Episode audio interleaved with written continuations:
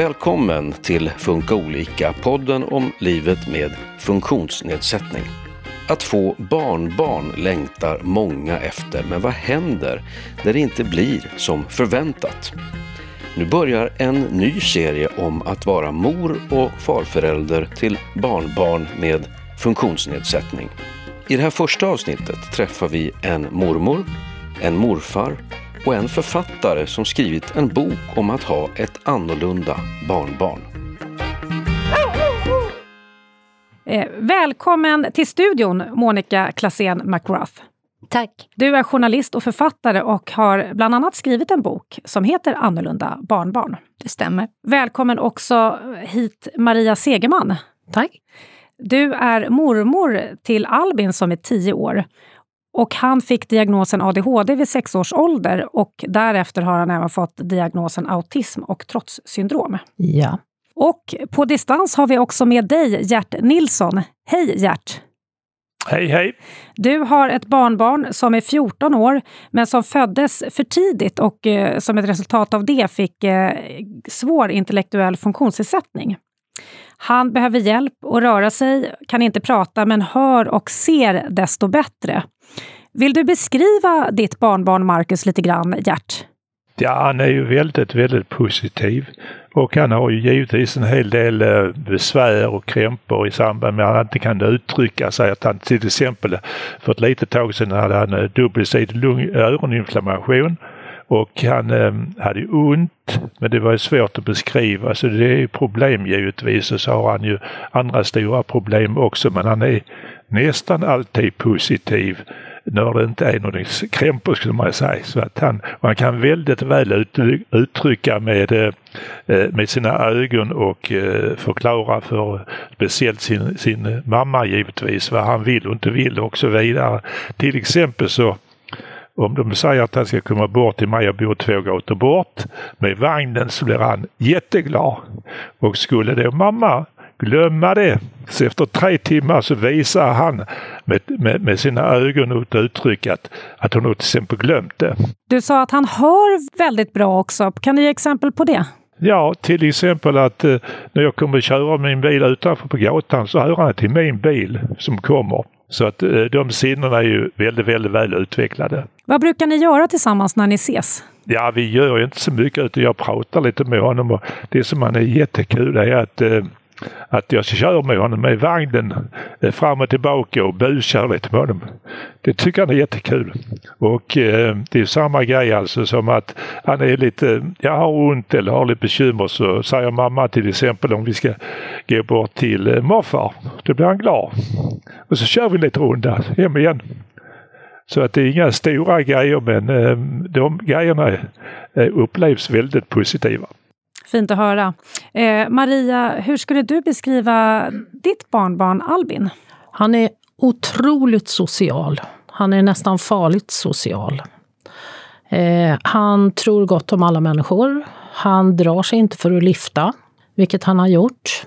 Och det var inget roligt att höra att han kom hem med en lastbil med en människa som vi aldrig har sett överhuvudtaget, varken förr eller senare han känner av väldigt mycket om man ser på honom när han börjar må dåligt. Då stannar han nästan upp och så blir han alldeles svart i ögonen och så blir det tunnelseende. Och sen går det nästan inte att bryta förrän det har rasat klart. Så han är världens godaste och världens mest utåtagerande unge och får han inte som han vill så blir han lätt arg. Det är ju trotssyndromet som slår igenom väldigt mycket. Men det, han är enormt empatisk. Han tänker på andra människor. Han, alltså han är ju verkligen två motpoler.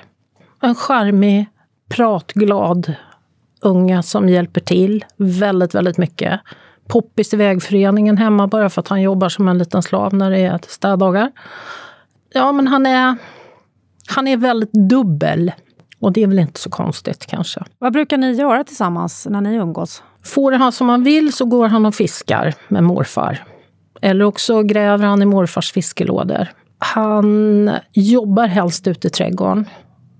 Han klipper gärna gräs och blommor och allt som inte ska klippas. Är det så att du liksom eh, Hjärtny bor nära varandra? Ja, vi bor ungefär 300 meter från varandra. Så ni ses ofta med andra ord? Väldigt, väldigt ofta. Dagligen kan man väl säga, eller flera gånger om dagen. Är det samma för dig Gert, att du träffar eh, ditt barn och barnbarn så pass ofta? Ja, det är ganska ofta eftersom jag bor så nära två gator bort så eh, ja, nästan varje dag så är jag liten stund bara och pratar med honom eller vi kör vagnen eller hittar på en stund en liten grej. Så att eh, det, det, är väldigt bra att vi har, eh, är så nära boende varandra i ett sånt här sammanhang som är eh, Annars hade det varit väldigt bökigt om vi bott långt ifrån varandra givetvis. Monica, jag vänder mig till dig nu. Hur kan det vara att bli mor eller farförälder? Jag skulle säga att eh, utifrån mor och farföräldrar som jag har intervjuat, men också min egen livserfarenhet, så tänker jag att det beror ju mycket på vad man befinner sig i för situation själv, hur man upplever det här med att bli mor eller farförälder. Men för de allra flesta så tror jag att det ändå är väldigt efterlängtat med ett barnbarn och liksom det här att man plötsligt har man tid och man slipper kanske ansvaret, man får liksom de roliga positiva bitarna och att eh, det är väldigt härligt. Så för många betyder barnbarnen väldigt, väldigt mycket. Och det finns, inte så mycket, men lite forskning på det här området. Det finns en forskare i, eh, i Lund, jag tror inte att hon lever längre tyvärr, hon heter Agneta Grimby, eller hette Agneta Grimby, och hon eh, gjorde en studie på det här och det visade sig att förlusten av ett barnbarn, eller förlusten av kontakten med ett barnbarn, det är en av de värsta sorger man kan drabbas av eh, i övre medelåldern. Så att barnbarnet betyder väldigt mycket. Påverkar det om barnbarnet har funktionsnedsättning? Det påverkar inte kärleken till barnet. I de allra flesta fall, om man får ha kontakt och klarar av att ha kontakt med sitt barnbarn, så är kärleken minst lika stor och upplevelsen kanske många gånger ännu starkare. För att det är något speciellt att närma sig och vara i kontakt med ett barn som har särskilda behov det här liksom eh, dubbla eller trippla sorgen som man kan höra ibland. Eh, hur, hur, skulle du beskriva det? Eh, ja, det, när jag skrev min bok så intervjuade jag eh, personer inom professionen också, bland annat psykologer, eh, som beskrev det här att eh, eh den första sorgen, eller man kan ju också säga oron, handlar om oron för det vuxna barnet. Hur ska liksom mitt vuxna barn klara av den här situationen att ha fått ett barnbarn med en funktionsnedsättning? Det beror ju också på vad det handlar om. Om det är någonting som i Gerts fall, med, där barnet föds med en funktionsnedsättning, då vet man ju det från början. Men i ert fall, Maria, så har ni fått reda på det senare. Eh, men eh, just den här oron för hur ska liksom livet för familjen bli? Hur ska de påverkas? Kommer de orka fortsätta arbeta? Min dotter eller min son, deras partner. Och den andra sorgen, den handlar om sorg och oro för barnbarnet. För att just den här förväntan liksom på ett barnbarn, det är ju också sådär att en väldigt så här, pirrig känsla av liksom, hur ska mitt barnbarns liv utvecklas? Eh, och när barnbarnet föds då med en funktionsnedsättning eller får en diagnos senare så kan det ju vara att man känner en osäkerhet för hur kommer deras liv att gestalta sig? Kommer mitt barnbarn att få det stöd som han eller hon behöver? Kommer mitt barnbarn att kunna gå i skolan, någonsin arbeta, träffa en partner och så vidare? Många sådana frågor eh, och stark oro kan man ju känna. Och den tredje oron, den handlar egentligen kanske lite om ens egen sorg. Eh, där, och det är ofta den, den känslan man har svårast att prata om, därför att det kan uppfyllas, upplevas som lite skamfyllt. Att man kan känna en sorg över det liksom barnbarn man inte fick, eller det barnbarn man hade väntat på. Och det här är ju jättesvårt att prata om, eh, hur man liksom upplever det här. Och det är ju inte en intellektuell det handlar ju om en känsla, liksom, att det blev inte som jag hade förväntat mig. Men ofta är det ju så att det blev inte som jag hade förväntat mig, men det blev någonting annat som, var, som är fantastiskt. Men eh, det som, som jag kom fram till och som både liksom mor och farföräldrar och eh, föräldrar också faktiskt pratar om, det är att just den här tredje sorgen, det är viktigt att man tar hand om den och kanske pratar med sin partner eller vän eller söker eh, psykologstöd eller samtalsstöd.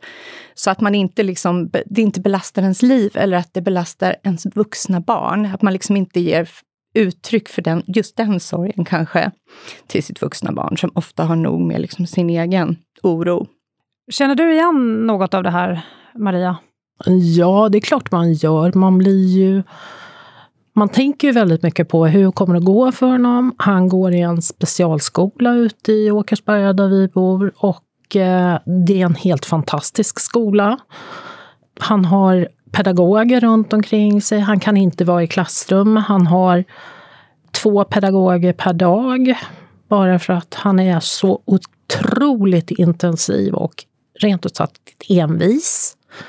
Så han går ju inte på regelrätta lektioner, men har det här stödet med hans rektor, och hans vice rektor och lärare och sådär som rektorn, liksom, eller hon som har skolan, hon menar på det, han är så smart. Och han är smart. Det är inte bara mormors känsla att han är smart, han är allmänt känt smart. Och eh, fattar väldigt mycket, kan väldigt mycket väldigt tidigt. Och Eh, det gör ju att de är inte så oroliga för honom och sätter ingen press på honom att tala om. Samtidigt så kan jag tycka att de är lite för snälla mot honom. Men jag är ju mormor, jag tycker att äh, gamla stammen man sköter sig, man går i skolan och så vidare. Nej, kan han bara hålla sig ifrån liksom att bli upplockad av lite för mycket folk som han är så social med överallt så, skulle, så känner jag mig lite tryggare i alla fall. Gert, hur var det för dig att få besked om eh, funktionsnedsättning hos ditt barnbarn? Ja, funktionen fick jag ju redan när han låg på sjukhus då de föddes alldeles för tidigt alltså så att eh, och sen är det givetvis, nu har de ju som tur är eh, specialinrett huset med liftar och grejer och bor i enplanshus.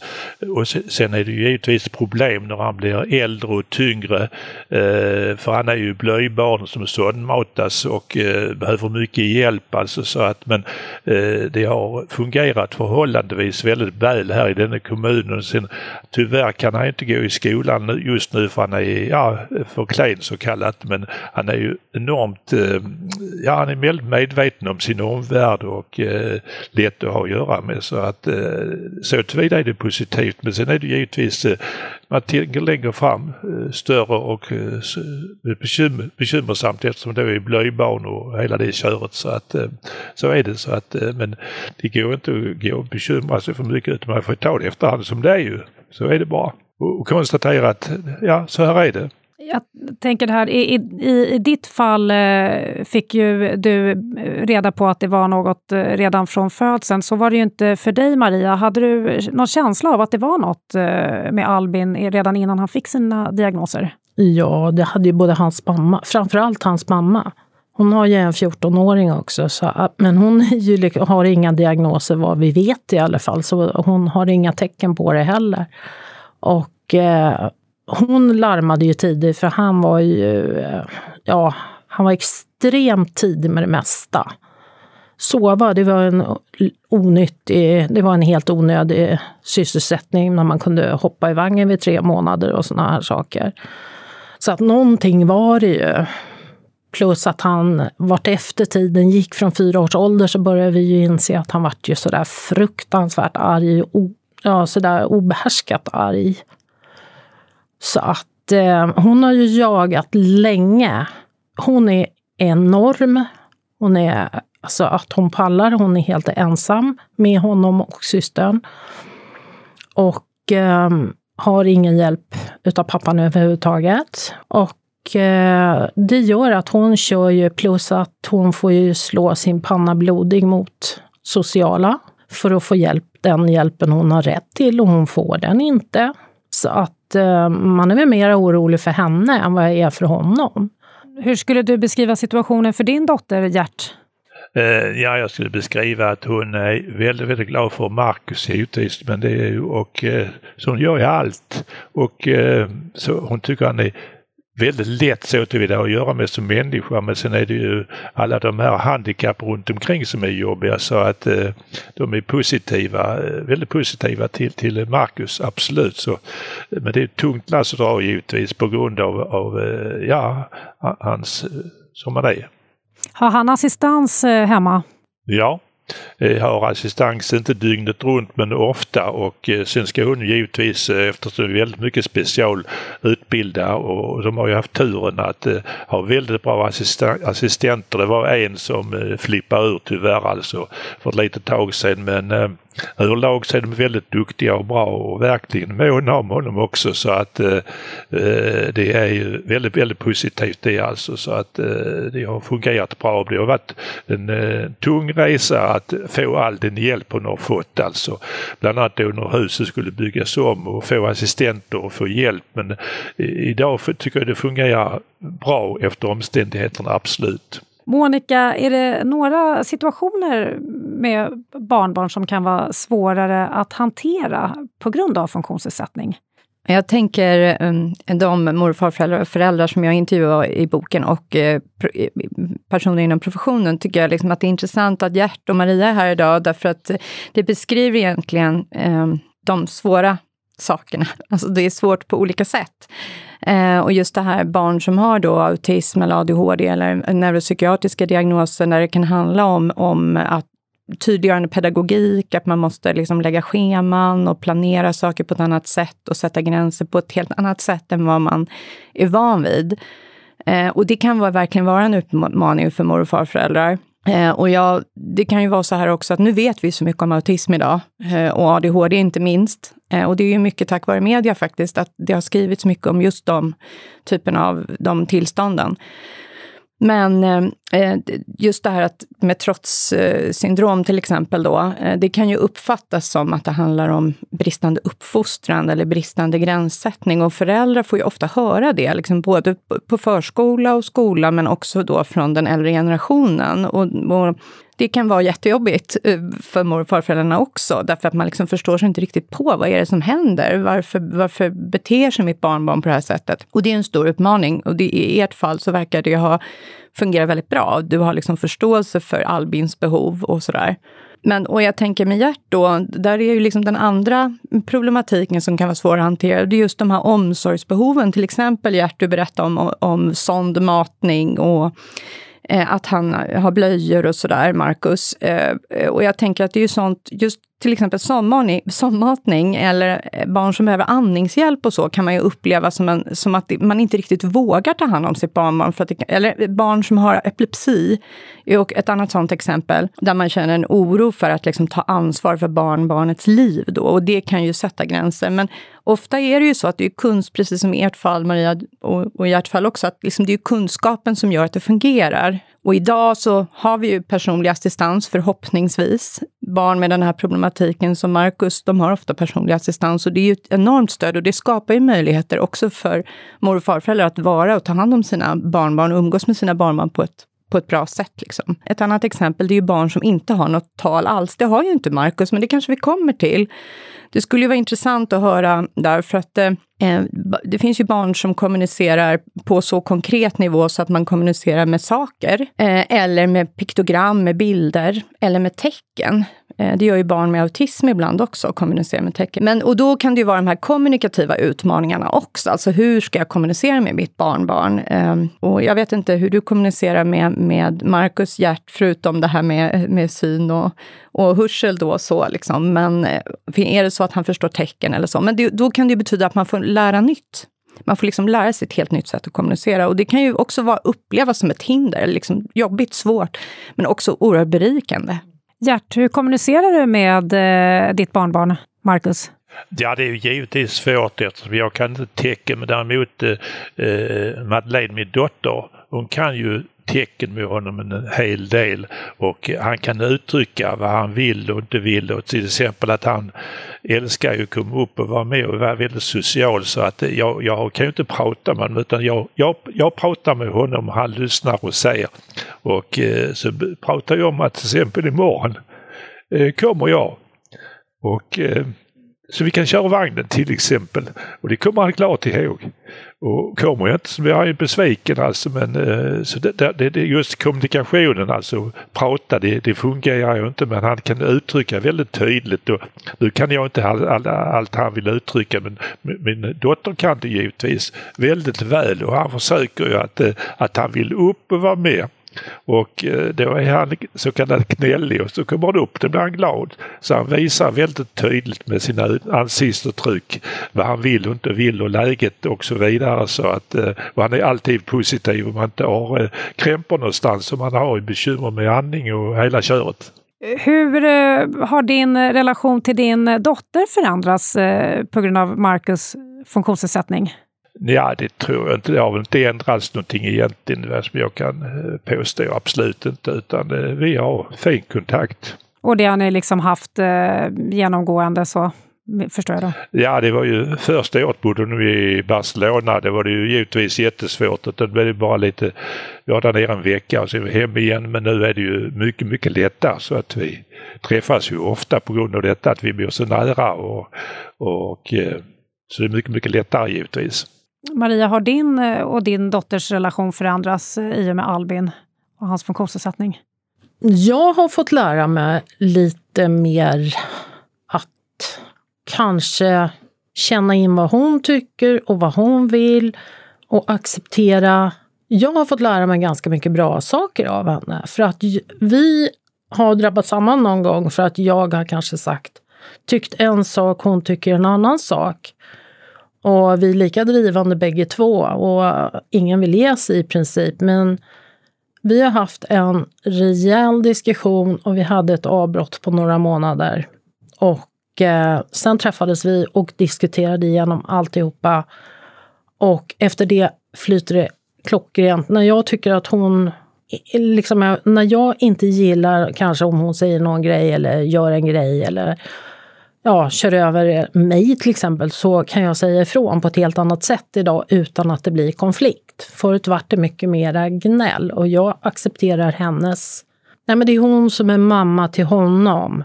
Och det var väl lite det, man fick väldigt mycket ansvar. Man hade honom jättemycket och till slut så är det som min man säger, ja, han bor här i princip. Han är mera vårat barn än vårat barnbarn. Nu ringer alltid Annika om det är någonting. Om Albin kräver någonting, ringer oss, vilket han gör fem gånger om dagen kanske ibland, ganska ofta. Eh, och då ringer jag henne och checkar av med henne, är det här okej, okay? är det här inte okej? Okay? Bara för att ja, men det är dock hennes unga och det är hon som står med besluten. Monica, har du några tips eller tankar om hur man eh, i mor eller, mor eller farförälderrollen är ett bra stöd i relation till sitt barn? Jag tänker att det viktigaste kanske är liksom det här att man inte känner medlidande. Eh, för det behöver man inte, utan man vill ha medkänsla mm. eh, och omtanke och förståelse. Eh, och det tänker jag är liksom kanske den viktigaste lärdomen som jag har förstått. Och det andra är väl det här liksom att man inte, som jag tycker du beskriver så fint här nu, Maria, liksom det här att man tycker olika, men att man ändå på något sätt respekterar att det är föräldrarna som har den största kunskapen om, om sitt barn. Och det kan ju också vara så att man upplever metoder, eller behandling eller bemötande som jätte Eh, alltså det här, jag tänker till exempel med autism, då, som besvärligt att förhålla sig till. Och jag vet att jag intervjuar en, en mormor i, i boken och hon beskriver det som liksom att jag kommer inte att förändra mitt hem eh, och göra det autismvänligt, utan jag tycker att när mitt barnbarn kommer hem till mig, då är det liksom, då är det så här. Och, och det funkade. Det funkade med det barnbarnet. Men det är ju inte alltid det fungerar. Ibland blir det ju kaos och, och kan ju leda till liksom att man inte kan vara hos sina mor och farföräldrar. Eh, så, så att, och där är det ju liksom, det är ju jätteviktigt det här med kunskap och att man lyssnar in. Och sen tänker jag också det här att man, att man liksom erbjuder det stöd som man själv klarar av. För att erbjuder man för mycket stöd än vad man egentligen orkar med, eller, eller vill ge, eller har, eller har kanske kunskap att ge, så blir det bara tokigt. Utan att man liksom gör det som man känner att man är bra på som man, och som man mäktar med. För det tror jag är jätteviktigt, för annars riskerar man att gå sönder själv också, kanske. Eh, och det där är ju svårt, för att det är ju liksom den här totala kärleken som man känner till sitt barn och sitt barnbarn. Men att man också sätter vissa gränser för sig själv, så att man inte blir uttröttad. Kan man sätta de här gränserna, Maria? I uh, teorin ja, i praktiken är det otroligt mycket svårare. Faktiskt. Hur hanterar du det då? Ja, inte särskilt bra tror jag egentligen. Ibland kan jag säga nej och så säger min man, nej men, nej, men det är synd om Annika. Hon behöver få göra det där och det där. Så att vi tar honom vad kan man behöva för stöd eh, själv som mor eller farförälder för att kunna vara ett bra stöd?